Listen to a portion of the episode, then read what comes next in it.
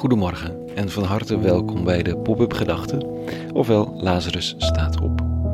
Ik ben Rico en ik schrijf overwegingen om de dag mee te beginnen. Vandaag met de titel En de aarde dreunde van het gejaag. Pop-up donderdag 13 januari 2022. Het zag er rood van de Trump-petjes en vlaggen die 6 januari 2021 voor het Capitool. De indrukwekkende en huiveringwekkende documentaire Four Hours at the Capitol toont de enorme massa mensen, de gedreven aanbidding, zoals een van de geïnterviewden het noemt, van de Messias naast Jezus van Nazareth, Donald Trump. Voor God en vaderland, voor traditionele waarden en het behoud van de witte meerderheid tegen het verlies, welk verlies dan ook. En ze gaan ten aanval. Terwijl het grootste deel van de mensen nog naar Trump staan te luisteren, breken de gewapende burgertroepen al het kapitool binnen en stromen er mensen door de gang, belust op bloed en wraak. In de stellige overtuiging de democratie, het vaderland en God zelf te beschermen of te dienen. Ik moet eraan denken vanwege een van de Bijbelverhalen vanochtend. Het is een van die theatrale scènes waarvan ik nogal dankbaar ben dat hij in de Bijbel staat. De setting is een veldslag tussen Israël en de Filistijnen in een tijd ver voor de jaartelling. Het is waarschijnlijk zo'n duizend jaar voor Christus, dertig eeuwen geleden. De wereld zag er totaal anders uit, maar de dynamiek van het mensenhart is niet eens zo heel anders, lijkt het. Israël dreigt te verliezen en ze vinden dat hun God hen bij moet staan. Dus laten ze uit de tempel de ark van het verbond halen. Uit het heiligste gebouw dat ze hebben, waar niemand binnen mag dan de priester, halen ze nu het heiligste symbool dat ze hebben en brengen het naar de lege plaats. Dan staat er dit.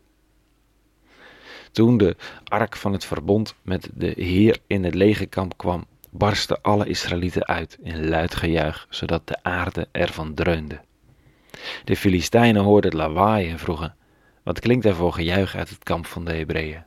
Toen ze vernamen dat de ark van de Heer in het legerkamp was aangekomen, werden ze bang en zeiden: Hun God is naar het legerkamp gekomen. Het ziet er slecht voor ons uit, want zoiets is nog nooit eerder gebeurd. Wie redt ons uit de greep van die machtige God? Het is dezelfde God die in de woestijn de Egyptenaren met allerlei plagen heeft getroffen. Of het nu het gejuich is voor het kapitool, voor God en vaderland, waar aanwezige journalisten de geladen elektriciteit door de menigte voelen gaan, zo gauw Trump zijn mond opentrekt voor God en vaderland. Of het gejuich in het legerkamp 3000 jaar geleden als de ark arriveert. Het is angstaanjagend voor degenen die er geen onderdeel van zijn. Dan staat er. Verlies de moed niet, Filistijnen, laat zien wat je kunt, anders worden wij slaven van de Hebreeën zoals zij het van ons zijn geweest. Laat dus zien wat je kunt. Ten aanval. De Filistijnen gingen tot de aanval over en de Israëlieten werden verslagen. Ieder vluchtte naar zijn eigen woonplaats. In drie zinnen is het voorbij. De euforie over de ark en de goddelijke strijd, de Israëlitische jihad. De ark deed niets. God was nergens te bekennen en zijn heiligste symbool bleek slechts een kist met goud overtrokken. De eeuwige in de teksten van de geschiedenis van Israël gaat zijn eigen gang door de geschiedenis. Uiteindelijk sterft hij liever in een lynchpartij, een kruisiging, dan dat hij de lynchbeluste meute leidt. De Almachtige God gaat zijn eigen gang, ongrijpbaar. En ik dan nu bij. Ook dit jaar zullen er weer verhalen zijn van grote rampspoed die alleen voorkomen kan worden als we nu dit of nu dat.